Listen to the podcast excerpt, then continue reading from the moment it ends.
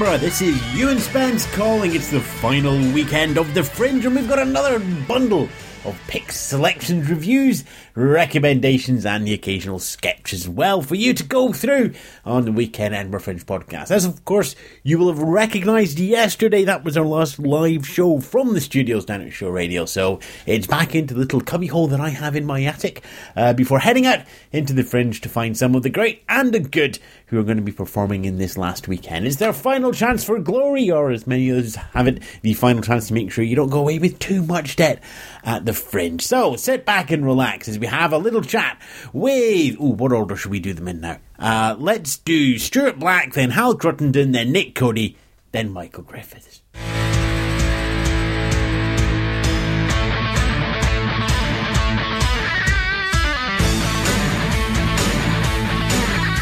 Stuart Black. Hi, Ewan. How are you? I mean, is that is that sort of set the scene okay? Stuart Black, is it? A, Yeah, that's sort of- pretty appropriate, actually. That's an. It's kind of. Uh, it was. It's, it's Tommy Vance. Actually, me doing Tommy Vance. Yeah. Oh, I love Tommy Vance. You're better than Tommy Vance, though. Where I'm is he? still alive. Oh, he, he froze to death in a car. Oh, I've just made an awful. Sorry to any Tommy Vance fans. I just did a "Where is he now" thing, and he's. Yeah, yeah, you did. away. Yeah, um, he has sadly, but he's left a great legacy, and he's left a lovely voice. And Rich Johnson started millions of rock and roll careers, uh, and uh, that's the way in we're going, Stuart. You, you know what? I've made a, a, a bit of a faux pas like that last year. Um, this lady came to my show, and And she was dead. she was, but she put a hand up and said, "I froze to death in a car a year ago." no, she laughed herself to death during the show. no, Wasn't she- Copstick, was it? No, it wasn't. It wasn't. I actually I love the stick, as we affectionately call her, because uh, and for those who don't know, Kate Copstick is a legendary reviewer, and uh, Essentially, we time lapse of her running around Gilded Balloon, Pleasance Potter Row with a celebrity on her back. yes, that's it. Yeah, she's ama- she's amazing because she she's one of she really doesn't give a shit. She's just an honest voice. She'll uh, call it as she sees it. And uh, as comedians, we really respect that. I mean, obviously, you don't want to, you know, a slating from her, but she you, she'll never twist it. She likes it. sh- In, oh, here's the thing: if no one else likes a show, but she likes it, she'll give it a five. If everybody's raving about a show, but she doesn't like it, she'll give it a one or a two because she, she's not affected by any general background buzz or anything. She's she's like true to herself. I hope she comes to my show this year. I think she'll sh- she'll like it. Well, the show itself, then, now you've nicely led me on to give me a bit of guidance as well. Lemsip and Cigarettes, Yeah, which just sounds like a Velvet Underground album. It does. It, it, yeah, basically, it's like sex, drugs, and rock and roll. But when you reduce it, you just start losing the bits that you can no longer handle. I'm basically down to Lemsip and cigarettes, which is um, my yin and yang because uh, you know, cigarettes make you ill, lem sip make you better. That's how I keep my balance. So is your balance then driven by how much lemsip you need and then the cigarettes balance off, or do you are you driven by the number of cigarettes and then use the lemsip to balance off? Yeah, the second. What's the lead? Oh, the cigarettes are the lead. Yeah, yeah, yeah, definitely. Um, actually, though, I've been trying to give up uh, smoking, so pre- it could easily have just been Lemsip, but I, I, I don't know if that. Just you need three for a lifestyle. Oh, you need three for a pun. Standard rule of threes for comedy writing. See, bing, bing, bong. Exactly, yeah. I, I don't know if I could call my show Lemsip, but Lemsip and cigarettes. It's it's really just um, it's more general stand up in terms of um, it's it's really where I am at the moment and where I see society at the moment. So it's very much uh, in the moment. Um, I have been uh, well known for doing some very complex narrative shows in the past. Um, and uh, but this year I'm very excited to be getting back to almost my roots of stand up uh, over the like the 10 11 years I've been doing it to just uh, just really spit out the, the truth of where I am at the moment And what, what I find impressive um, is is the presentation. Uh, you've already you've already pointed out the shoes Yes. uh, by by slapping them up in front of the recording desk and, and basically going, "Look at my shoes." I do have I do have incredible shoes. I've got a pair of ba- basically just to paint a picture. They're red sequined uh, cowboy boots, and I sometimes I get com- they are they're women's boots, Um, No, no, no, they're just boots. but they, well, people say, I get comments, people say, they're women's boots. And I go, well, actually, no, they're women's uh, line dancing and beauty pageant boots from a shop in Memphis that I found online. So if we're going to, you know, If we're going to attach labels, we need the full label. get it, be, be specific. Yeah, don't undersell your uh, insult to me. Let's get it right. Yeah, and, and if we go to the other extreme, hair by Grandpa Monster. I know my my hair. do- I can take no credit for what my hair is doing. It does what it wants, and at the moment, I think it's it's it's about half mast to paint a picture of those people. Uh, when it's at, at full mast, it looks like I've stuck my finger in an electric socket. Or, or terrible flashback to the 80s and Dead or Alive. Exactly, or yeah, some sort of uh, pill popping mishap in the '90s, which is probably more my. That's probably the r- root of it, being a, a little bit of a, a older bugger uh, compared to a lot of comedians. So the other thing about the age uh, is that you're doing the show at the Three Sisters this year. It's part of the Free Festival, uh, and the sort of accepted growth pattern now is you come up, you do the Free Festival, and then you go up to the paid gigs. But you're doing this back to front, aren't you? Yeah, I've. Uh, I don't. That old model is has gone now. As far as I see, the comedy circuit, the comedy industry, it's uh, it's like any marketplace. It's it's organic and things change. There's always somebody saying, "Oh, it's not like it used to be," or "It's all gone wrong." No, it's fractured, changed, re- regrown in different ways. Um, for me personally, the Laughing Horse Free Festival that is the fringe for me. I um, I'll have no part of uh, you know massively paid venues. It just it, I don't think anybody does well out of it. My show, you can come I think see there's somebody that knows very well about Oh, it. yeah. That's a conversation for another podcast. Yeah, yeah, for sure. You're absolutely right there. Um, but uh, you can't get a better deal. So you sit through the show and you go, you know what? I didn't really like it. I don't have to put money in the bucket. If I did like it, you know, I'll chuck uh, five pound in the bucket. Uh, everybody wins. You can't get your time back, unfortunately, if you didn't like it. But um, you know, I'm not a time traveller. What does that do to the makeup of the audience compared to, say, an audience at a comedy club, where you know the comedy club has made the decision to go and see comedy, um, but they've already made the transaction, they've already got skin in the game. Yeah. So when you're a free festival, does that change how you have to do the show? Does it change how the material's accepted? I think it does uh, give you more license to take risks, which is, as everybody knows, but not everybody follows uh, the, the principle that uh, when you take risks, the best art comes out of risk. And if you are doing a mainstream comedy club or a big paid venue where someone's paid £10 or £12, I, I would really feel compelled to, to just give them like you know a laugh every 20 seconds. And a lot of people they they don't just want that. They want something with depth and, and content something uh, something maybe a little bit more of a storytelling thing. And there's a there's a kind of a contract between you and the audience where they say look you know what? We've come to see you. We like the poster. You fill your boots. Do what you think is the best thing you can do for this hour because we still have the this is try before you buy. We still have the decision to go yeah you know what? I don't think that was worth you know 10 pound. But if you're in a, a big venue you've, you're expecting it to be uh, you- you've got expectations and you want them fulfilled. And from the business side of things, yeah, it changes the way that the deal is made, but at the end of the fringe, is it still a good business decision to go free as an experienced comic? Because obviously the young comics can go, oh, I'm trading this up to get my name known at Edinburgh. Yeah, uh, that is a decision to the individual because it totally depends where you are in your career. And yeah, for sure, if you want to get a lot of press and media attention, it does help to be in a main venue.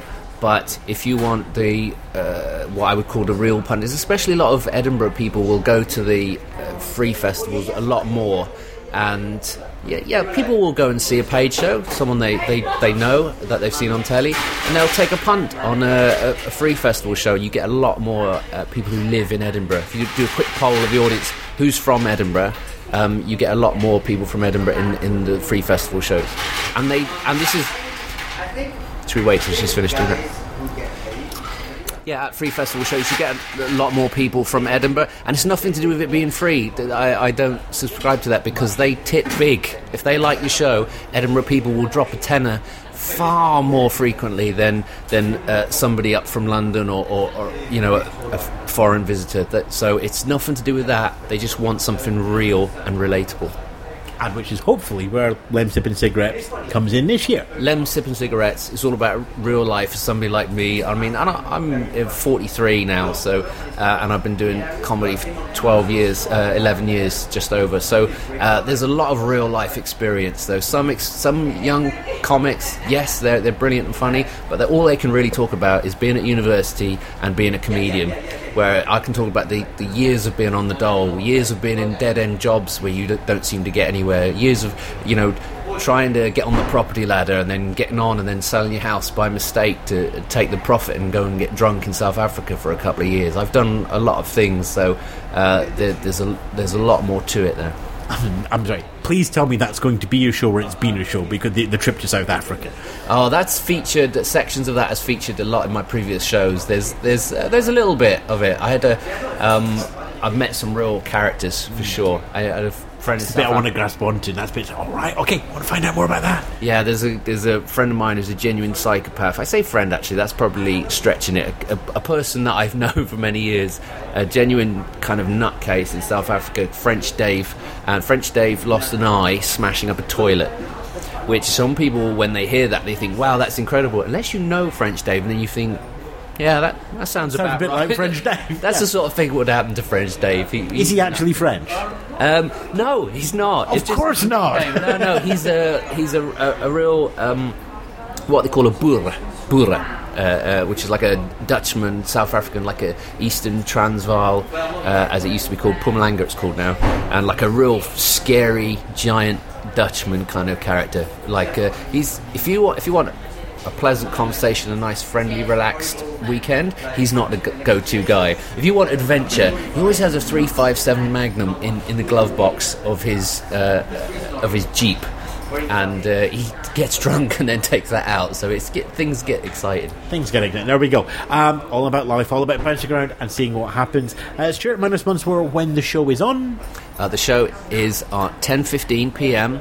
at the Three Sisters, which is the rest of the year is called the Three Sisters. It's in Cowgate with a courtyard. I'm in Maggie's front room, and 10:15 p.m. for an hour. I'm not doing Mondays. Uh, I don't know why. I don't like Mondays. Tell me why. I don't know why. Oh, there's a song in there somewhere. Um, not that I've ever made that joke any other of the begillion years I've done this, but I know. there we go. I have a theory actually why um, Bob. It could be bunnies. Bob Geldof doesn't like Mondays because uh, I- one can only assume he used to write songs on a Monday. now every after the end of week, every Monday comes around, he goes, "Damn, I wish I could have written a second song." Uh, Stuart, thanks very much for your time. Cheers, thanks, and uh, we'll do that shake of the hand that nobody can see, and that'll be us. Thanks very much.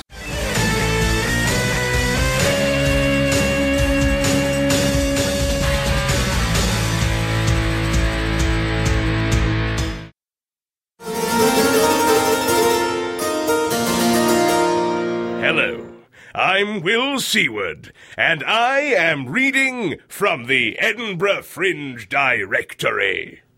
Today, Dilly Keane.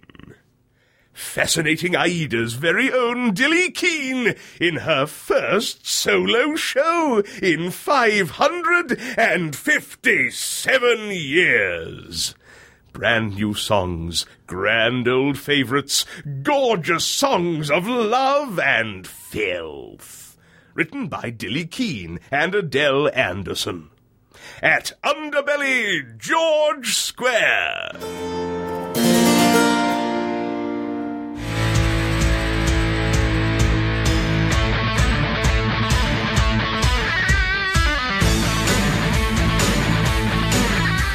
Some reason, Hal, I was expecting you to have this huge, boundless amount of energy. Instead, you appear to have adopted a dog. Yes, I've just well, I've just walked across Edinburgh with a printer as well, so I'm not. Oh, it's, it is a she, isn't it? It's not my dog. Is it a he or a she? It's a he, his name's Obi. Obi. Oh, it's so gorgeous. So Hal I'm missing Trittington my and dog. Obi the dog Obi joins the us. dog, who is so gorgeous. I'm, I'm missing my dog. I have a pointer at home. Um, So uh, and so I'm missing her. So it's so lovely. It's so therapeutic to stroke a dog. But I've yes, I am a bit knackered. I've just walked walked from. Um, uh, Ryman's in the shopping centre near the stand. I, I always think of Edinburgh by venues. It's terrible. Um, and uh, so I just walked across Edinburgh with that because I couldn't get a cab anywhere. So I'm feeling hot and sweaty and a bit fed up. So I- yes, I, I love the fact that you've now given us three comedy strands we can work on in Yes, that. We've got a pointer dog at home, the dog here, navigation, or a, carrying a printer across Edinburgh. Which one of those is going to be in your set next year? Yes, exactly. I've got. Well, I do do quite a lot about my dog. Actually, I don't do a lot about my dog in this show. I used to, and I had to. I had a thing where I ed- had to edit down the show. It was like an hour and twenty minutes long, and I've had to lose lots of nice things about my dog and my cat and and everything. But um, I mean, my dog's a So it's nice. a mixed race family house. then. Yes, yes. But um, it's no, it is loads, loads of creatures live there. But uh, do you have kids? Because kids bring animals. That's what I find. Kids insist, "Oh no, it's really nice. Can we get a pet? Can we get a dog?" And you, and you end up walking the bloody dog. I mean, I love the dog, but I wouldn't have any animals if it wasn't for the kids. The kids are so, you know, they so insist on stuff. Uh, God, he nearly had my fingers then. The dog. Um, but um, as, as I as I put the ball down there. Um, uh, so yes, what was my point? Yes, my point was that um, I didn't realise kids came with animals. It just expands, and then you end up you end up working your arse off because you're looking after pets, children, and and your wife who gave up work too soon to give up the, to look after kids. So how many years at the Fringe now? well, I don't do every year. I find it quite exhausting. Um, the, so I've done I've done about eight, but I've been here since the first one was 1999. So I don't do it most years. I'm not here actually. I do it because it's so brilliant to make you write jokes. It make you knowing that you have to face quite a tough audience. And I'd say uh, an Edinburgh crowd has seen two other shows before you, and we'll see two others afterwards. It's a brilliant workout for comedy, and 55 minutes. It's not like a club. You've got to be funnier because in Edinburgh you won't have a crowd that's just way and beard up and all the rest. They're here to see comedy and to sit there. Especially the room I'm playing. It's quite like a lecture. It is a lecture theatre, but it's lovely. It's like you know, lovely theatre thing. And once you get um, to that 30 minutes in the club, it's just like, thank you very much and good Yeah, night. Yes, exactly. nailed it. Here, it's just like, well, okay, you've you've you've done setup, you've kept us ticking over. Pay off, pay off. Come on, come on, come on. But even when you're doing your own tour throughout the country, you're touring, the- and people come to see you, and they're up for, and you're the big night event of their day. In Edinburgh, you're still not the big event of their day, but you've got to try and make sure you are become the big event of the day. So I love the discipline of it, and I love. I haven't been to. I haven't been to Scotland since. Uh, uh, yeah, so well, I was touring here last year. Um, but yes, it's lovely to come to. It's, it is. It's lovely to spend August in the Scottish climate. Oh, dripping with irony. Uh, so is the family up as well? The family comes up about quite near the end, only for about five days. My wife hates it because she know I'm either in despair or. Um, Or, or in the loft really bar? arrogant, really arrogant. Yeah, I mean, thing is, I ne- I've never had a bad Edinburgh. I've never had a terrible one, but I've always yeah. But I've never. But I've had ups and downs, and it's it's a real rollercoaster. You have days where you feel like the show isn't going so well. You have days when it's going great. Um, and my wife can't bear that thing. I mean, also this, the poster sizes have got bigger since I last got here. I've I walked past a larger than me site thing of me outside the venue. And my wife can't bear me when I like that because I start believing my own publicity and thinking I'm terribly important. So um, she doesn't come. Yeah, she'll come for about five days. The kids are 13 and 14 now, so they love the idea of coming to Edinburgh. They probably come for two or three weeks, but I couldn't keep them in check. I'm always running around doing stuff, so I'd worry about if my kids were here unsupervised. Give it another couple of years. Would you recommend your career to your kids? I've never recommended my career to my kids, and What, it's what if they came to you and said, I want to do it? I can do stand up, Dad. uh, I'd find that really threatening and I'd try and destroy their confidence. Because my youngest daughter is very, very funny. I mean, she just comes out with. I've got about three of her things in my set, just things she said. Just incredible rudeness. Um, you know, she's just got that way about her. Like, she, we were on holiday, she had her phone out, and I went, Can you put that away? She went, I just don't feel the conversation's going anywhere. she's always got a smart answer. But I would. My, my wife's an artist, and I'm a comedian and I would love them to be doctors, lawyers, accountants, financiers. I want a grown up job in the family. And because we're doing the jobs we do, they of course go, Oh, I quite want to do that. I want to be an actor. I want to be an artist. I want to be. And I go, Just someone someone do a job where they know what they're earning each year. That's what I really.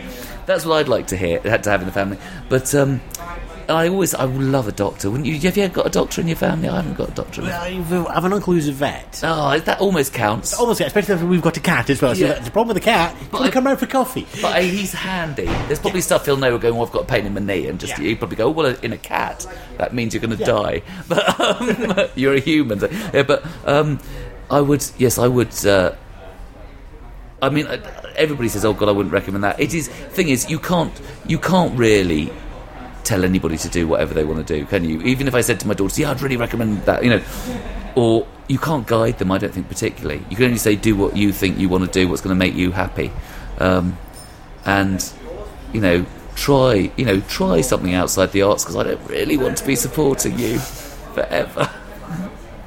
That's horrible to say. They might be very successful.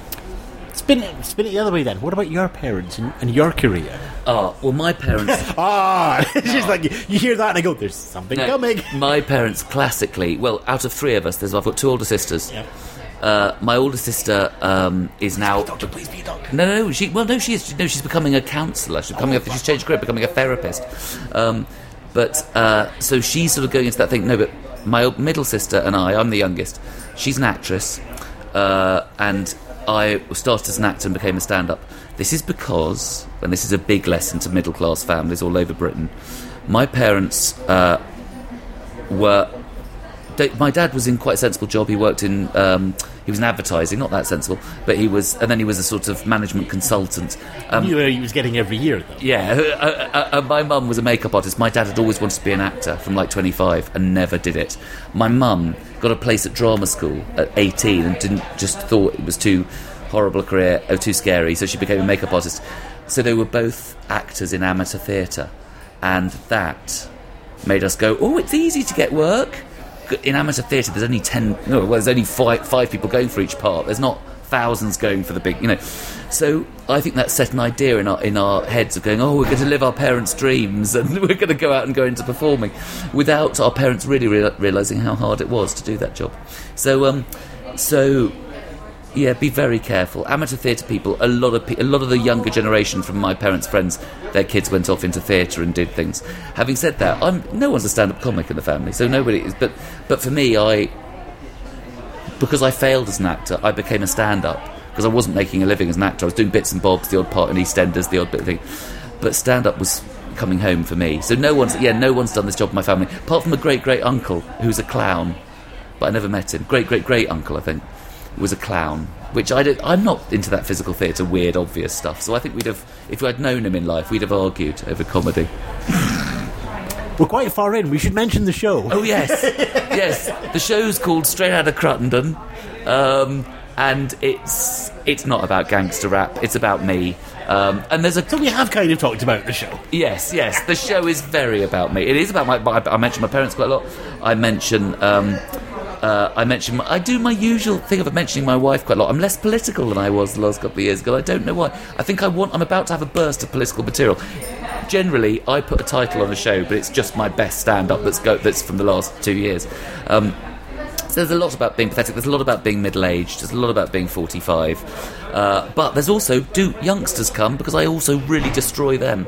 Um, so I, um, there's a lot of anger, a lot of midlife crisis, and a lot of ranting at my own age group and the way that people behave on Facebook. But but generally, the, the narcissism of art. You know, there's a lot of moaning about myself and then a lot of turning it into everybody else.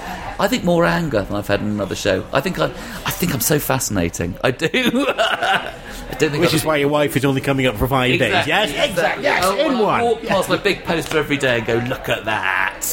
Um, but it's selling great. I'm, I'm getting great numbers. So I'm, it's the first Edinburgh I've ever done. I think where I'm just don't. I'm not worried about numbers.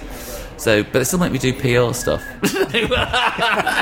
But you know, you know something. I'm glad they do. yeah, no, it's fun. it is fun. It gives, it gives me a fringe. You know, No. everybody goes, "Oh no, that's it." All the PRs decided nobody's doing press this year. Exactly. Perseverance is like, It's what are we to do? I am terrible. You know, this is absolutely the best job for me because I love sitting and chatting about myself. I'm a terribly self-obsessed nightmare. Now, is there anything you've not mentioned that you have to? Oh, it's at 8 o'clock. Pleasance Yeah, that's 2. it. When's the show Oh, it's at 8 Yeah. o'clock, 8 pm, Pleasance 2. Um, I don't, when does this go out? Oh, I haven't decided yet. Oh, well, At some it's- point. it, it's sold out the next two nights, but from Sunday onwards, I'm sure there's stuff. There's Okay, well, I'll keep it till after Sunday. So if you're hearing this, it's after Sunday, Yeah, it's so you're Sunday, okay. it's Sunday. They might That's the first Sunday, not the second Sunday. If you're hearing this in the second Sunday, And he says after show. Sunday. There's an extra show. I think it's Already? August twenty second. Extra show. I don't know where it's on. Pleasance Beyond. It's somewhere in the courtyard. Pleasance Beyond or something. Um, I think it's next show. I think it's nine thirty. Got a website where people can find out. Oh, halcruttenden.com. Yes, there It's we go. there. That'll, it's Thank- all there. thank you for helping we don't, do we don't, this. we don't need this. We don't need no stinking interview. Just go to the website. You're very good. Thank you. Hal, thanks for your time. Cheers. No, thank you. Very nice to meet you.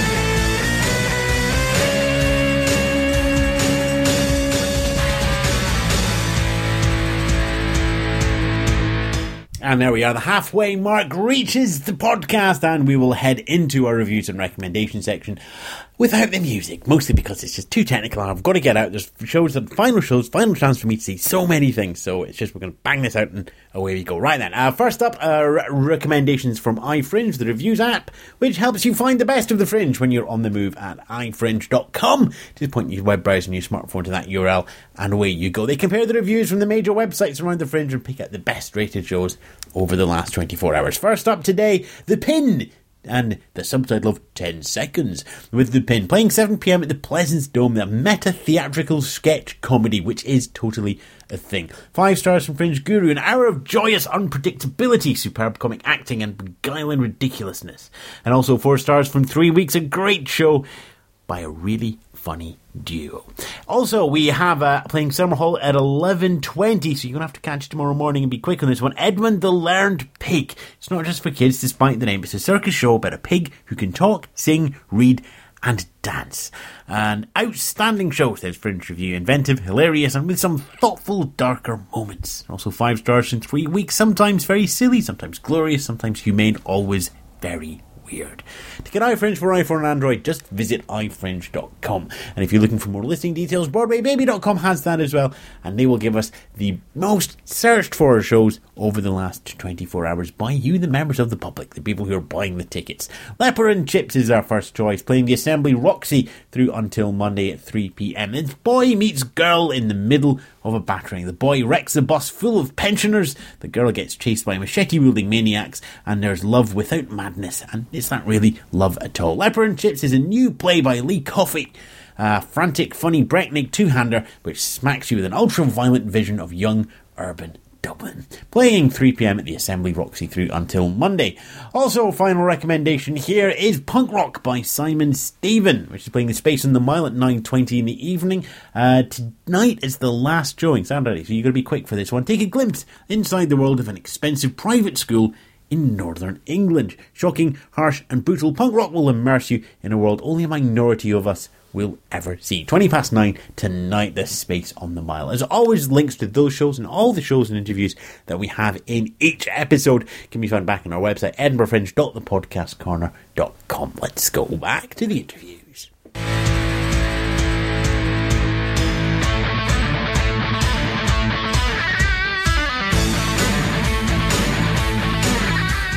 Nick Cody joins me now on the podcast. Welcome to the show, Nick. Thanks very much, man. And of course, it is summer and we're in the northern hemisphere, so it's winter for you. Happy winter! Well done on wearing the short. Mate, this this weather is awesome. I've been uh, I was touring in Asia for the last three weeks, Hong Kong, Singapore, and Malaysia, and it was 35 and the humidity was infinity. Like this is where I'm meant to be. I've never been to the UK before, but all my family's from England, Ireland, and Scotland, and uh, I No realised- Welsh? No Welsh, no Welsh, unfortunately. But uh, I hopped off the plane. This is the best weather. I like this. Nice and chilly, and the sun's out. Who can complain? Yeah, yeah. Have you seen the rain yet? No, no, no. A little bit yesterday. give me, So give me five minutes. Yeah. Uh, obviously, they're from the Southern Hemisphere, joining us from Australia here at the Fringe. Yep. Yep. Brave man. I wouldn't say that. It's just telling uh, telling stories on stage for an hour. It's not exactly courageous, is it? I talk about going over and uh, doing gigs for the troops in Afghanistan, and uh, some friends of the Austra- uh, I've become friends with some of the guys in the Australian SAS. And then when they tell me their stories, and people say comedy's courageous, I'm a bit like, no, no, it's not. I'm just lazy. That's how I've ended up here. Uh, he says that, but there's there's always a dedication and focus required to get to this. point. definitely, definitely. Yeah, that's fair enough. Okay, so let's not use the word courageous. let's let's use the word um, not not even gifted. No, let's use the the word Persistent. focused, persistent, um, virulent. Yes, that that's perfect. Actually, Virulent, let me go. Well, okay, how virulent of you? He's gone, that's it, stop the clock. It's um, man, it's fun. Well, I guess all the way I've done stand up for nine years, and uh, this is the first time that I've come over to Edinburgh. It's obviously very, very exciting. It's huge. Um, obviously, biggest art, biggest arts festival in the world, and uh, it's just good to see mates from all around the world in one one place at one time. It's actually first to Edinburgh. You have done some of the other sort of comedy tent poles as well. You've got Just for Laughs in there, and you've probably done not, um, Melbourne or Adelaide. Yeah, yeah, well, yeah, I'm from Melbourne, so I've done the last five, five or six, yeah, six, last six Melbourne comedy festivals. That's my hometown, um, and yeah, this year got got the offer to come over and uh, do a run here. So it's awesome. It's awesome. What what differences are there? I mean, you've already spoken about it. This is where all your mates are, and you know it's the biggest arts festival in the world. But but in terms of performing and being on the ground between those sort of the, those are really the, the sort of three circuits of festivals. Yeah. Uh, well, the big. I think the biggest difference is just the sheer size of Edinburgh. Like I know in Melbourne, there's about 550 shows each year, and Edinburgh is 3,000. And shows in Melbourne start at four o'clock in the afternoon, go through till about 11 at night. Here it's 10 in the morning through till three in the morning. You know, so it's just the, the sheer size of it. But it's fine. You just try not to let all the other shows distract you. There's nothing that they'd they'd um, yeah, there's nothing I've really got to worry about. Just focus on my show and make sure everything's right. You know. So what do you do to bring the show here? You're, you're, people talk about going to the previews, getting the show ready, getting the material ready, and I know that in the UK it's the, the ten minutes and twenty minute headlines, and then maybe push out to thirty minutes and slowly work the material through. Is is that the same for yourself, having done the circuits that aren't in the UK? Yeah, yeah, it's definitely the same thing. Each year you've got to come up with a new show. So each year it starts the same way. You you freak out. Well, in Melbourne, the Australian festival season starts around February. So around and it ends in May. So around August each year you just start freaking out and wondering how you're going to get it all together. Um, luckily, I'm in Edinburgh this time, so I don't have to worry too much yet. There is a self help group come August the twentieth. yeah. Oh, really? Are you having trouble with next year's show? Oh man, I, you see people starting to freak out about it already, but uh, I don't know. I'm, you just there's not much you can do. You just hope it. You hope the inspiration turns up and you get some material. And I'm lucky I talk about things that have happened to me. So, if anything, I've just got to go out and live life and have fun, and something will turn up. It always does. so, what was the the moment then that's the keystone of this show? What was the, the moment that unlocked the hour that you you're doing this year in Edinburgh? Uh, I think this one it would be it's more realizing how how often I get myself into stupid situations. I'm a s- smart kid. I've got a scholarship to a private school in high school and pretty switched on. But occasionally, I'm just a bit. Uh, I get a bit cocky, or just not even cocky. Just uh, just like yeah, I can definitely do this. And then I try something and it's horrifying. Right? Like in the show, I talk about um, just riding a bike out into the uh, forest of Alaska by myself. I've never been in the woods by myself in my life. I decided to do it in Alaska. Came across a black bear. Um, going to Afghanistan, going, oh, I think this would be cool. And then there's the threat of rocket attacks and all that sort of stuff. And it's more just, uh, I think what un- has unlocked it, if you see the show, there's three big stories, amongst other things, but there's three big stories where uh, just an overconfidence gets me into some silly spots, know?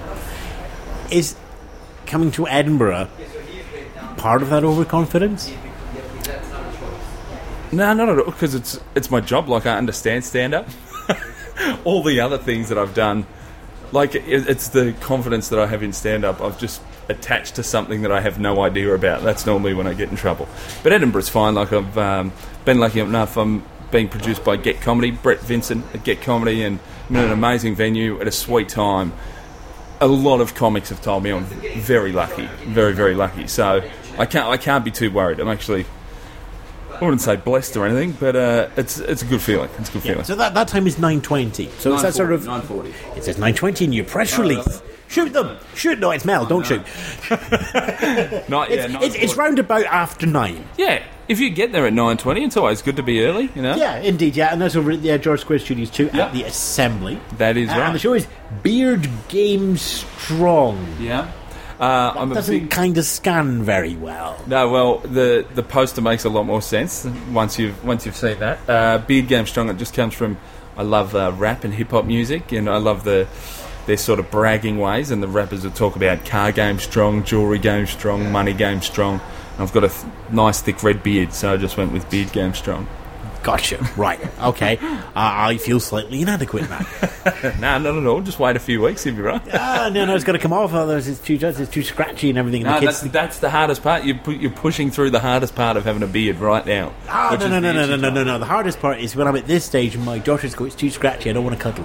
Ah, push through it. it gets, No, no, no, no, try that. Does I have to, I have to do that every December so I can help out Santa. Oh yeah. Oh man, that's very nice of you to help out Santa at, uh, at Christmas yeah. time. The thing is, with your beard, you miss out on the delights of a Turkish shave.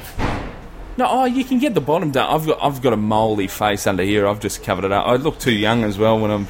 Oh, no, with the towels and the aloe vera and the spraying of the water and everything. You miss all of that. You can do it on the bottom part of your neck. That'll do. Yes, that, that, that, that's, that's just like eating the pastry in a Greggs sausage roll and leaving the sausage. You know, it's like this pastry's quite nice, isn't it? I can enjoy. Uh, Mate, that was, you, you, if you're have to sacrifice something for the friend. Exactly, exactly. Indeed. But the show itself, as we said there, um, things that you're overconfident about, things that are going through. Um, so does the beard figure in, or is it one of those shows where it's like, I need a name for the show? Oh no, I just yeah, purely. I think beards get mentioned once. Yeah, people have always said like I expected more beard jokes, and there's n- nothing in the blurb about beards. So don't turn up thinking it's going to be a history of beards or anything like that. It's just me with some silly stories for an hour. Lovely, and sometimes that's all you need, Yeah. at the, especially at that potential time at night. Yeah. Round about half past nine, shall Yeah. we say? Approximate. yes, approximately how, approximately Tuesday. Nick, pleasure to have you have Thanks fun at the much, fringe. mate. Appreciate it. Thank you.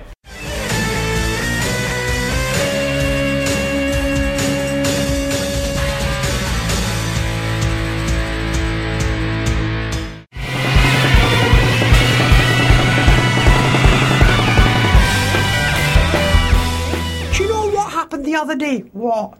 A whole load of American TV cops had a wee in front of me, and it was deep blue. Why did they have a wee in front of you? I don't know. And why P Deep Blue? And why P Deep Blue? We are the Scottish Falsetto Sock Puppet Theatre, and so am I, and so is he. 10.30 every night at the Gilded Balloon.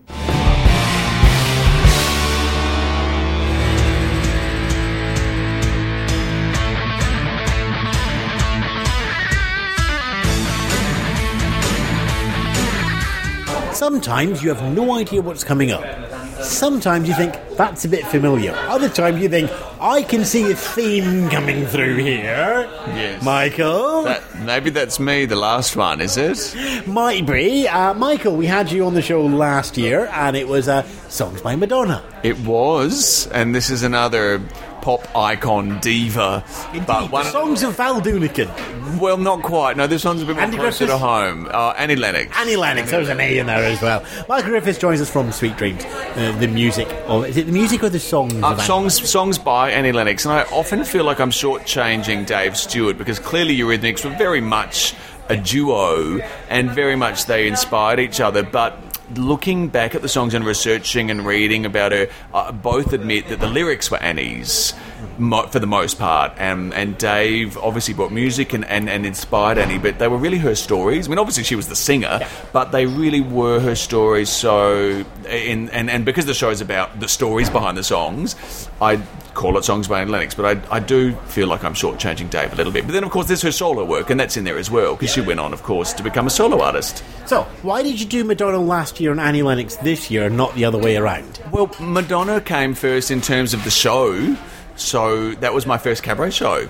And although Annie was really my hero growing up, but I don't think when you're doing your first cabaret show, you don't want to tackle your idol. That's just, you know, I would never have dreamt of doing that. But up with Madonna being not only just so much a fun experience, but also being received well, I thought, oh, right, I'm going to do Annie Lennox. And that's how it happened. So here I am a couple of years later with it. So, what have you got in the tool chest from the Madonna show that you've been able to bring to the Annie Lennox show that you couldn't before?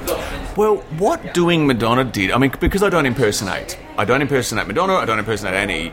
Uh, what my what my kind of thing is is is is stripping things back, and it's I guess like an unplugged. So it's about finding out what the stories are in the songs, and so really, it, and with Madonna, I was worried that in doing that, maybe an audience wouldn't get on side. That they'd be like, "Why is this guy saying he's Madonna? This is ridiculous." I, I don't, you know, I'm not going to go there. But audiences did. They came, they laughed, they enjoyed, and they and That, that, and that one confidence. that one leap that you needed them to make was an easy leap. Well, we talk about suspension of disbelief, and I just didn't have the confidence that that would happen with me, and it did, and it continues to. And so people come to see an Annie Lennox show. They don't care I'm not Annie. They, they're here to hear the stories, and I share them. And um, yeah, so Madonna gave me the confidence to do that with my hero, Annie. Now you've done the Madonna show. Now you've written the Annie Lennox show.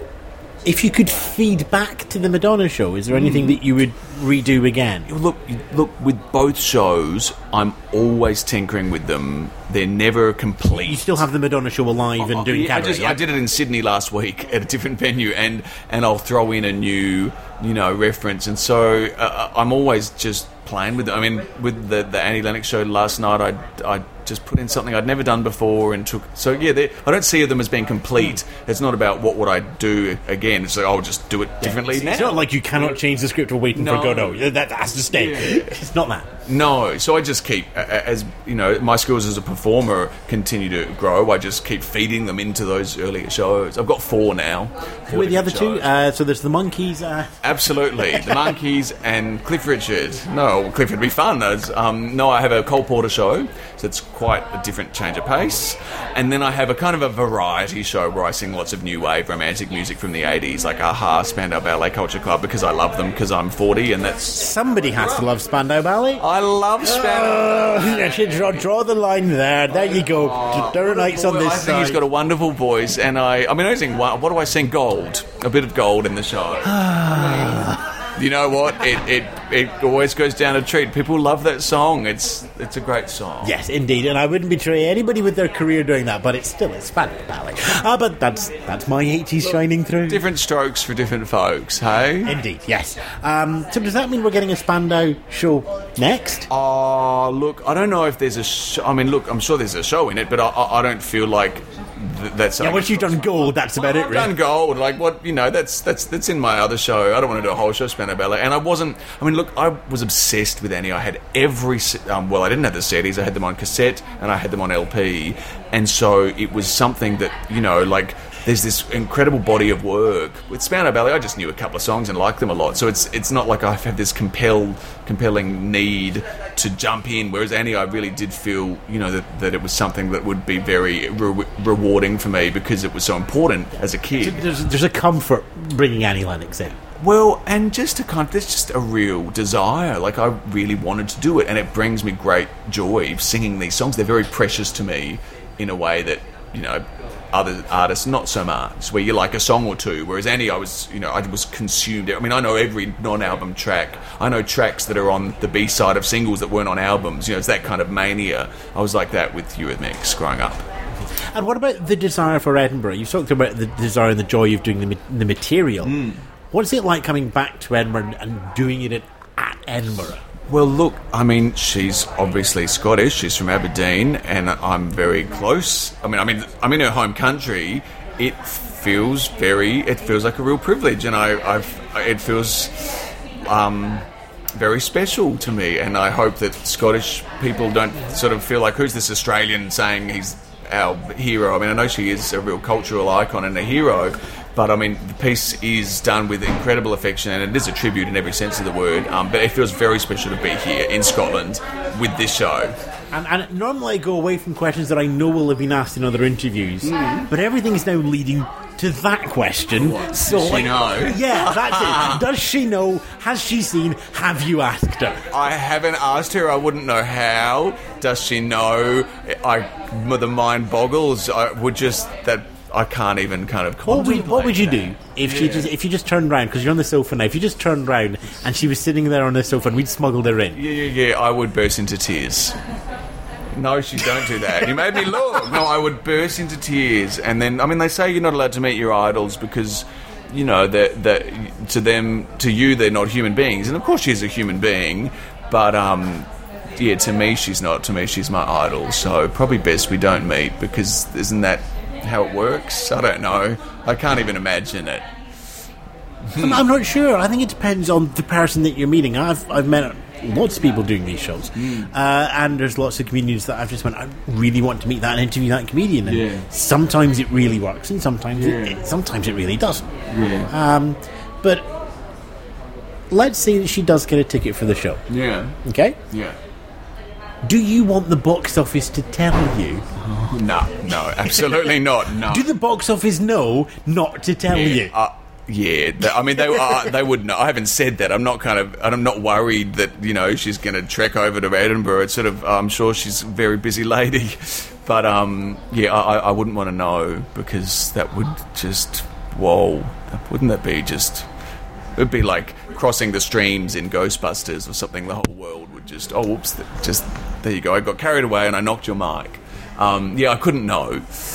Maybe afterwards, and only if she liked it. Like if she didn't like it, it would. I'd just want to cry, and it would break my heart because it's such I'm a love nice to, to I'm. I'm gonna be nice to you. She likes it. She's seen the show. Ah. She comes up at the end and goes, She "Come talks on." about it all the time. No, no, no. She comes up to you at the end and goes, "Look, we've got time. Let's do one song." what song would you wow. duet with Um, Annie Lennox?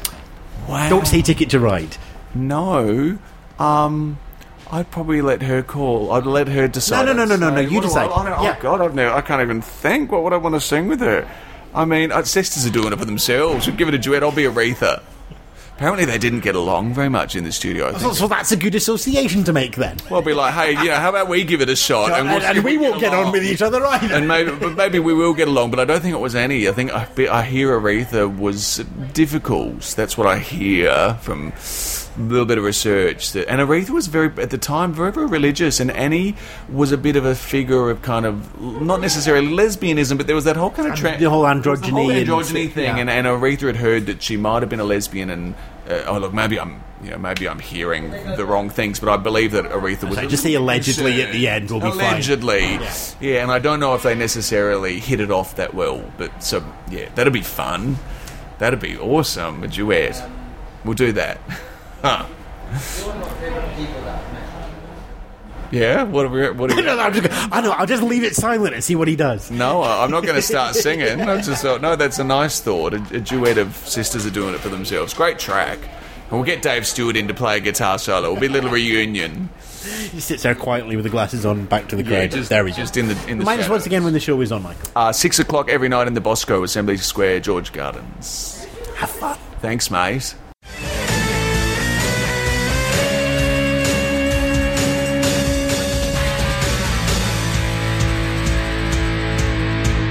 And there we go. That's your Saturday show for the day, and it's very, very close to the end of the Edinburgh Fringe podcast run for the year, and very close to the end of the Fringe as well. We're going to have my top ten from the Fringe over in probably Sunday or Monday. We'll just see. Uh, we'll just see how late and how badly the hangover is after all the fun tonight uh, on the Blundabus with Bob Slayer and that. But thank you to Stuart Black, thank you to Hal Cruttenden, thank you Nick Cody, thank you Michael Griffiths for taking the time out to do the interviews today. As always, uh, you can f- listen back to all these shows at edinburghfringe.thepodcastcorner.com. And if you have been enjoying them, would encourage you head over to iTunes and leave us a review. Even if it's just drop in one to five stars, you can leave a little paragraph of text as well. Uh, we do it all through August for all the other acts, so it's only fair that they get to turn it around and do it on me as well, as you do as well. I'm Ewan Spence. I'm heading back into Edinburgh, back into the Fringe. If I see you around and you see me, say hi. But now.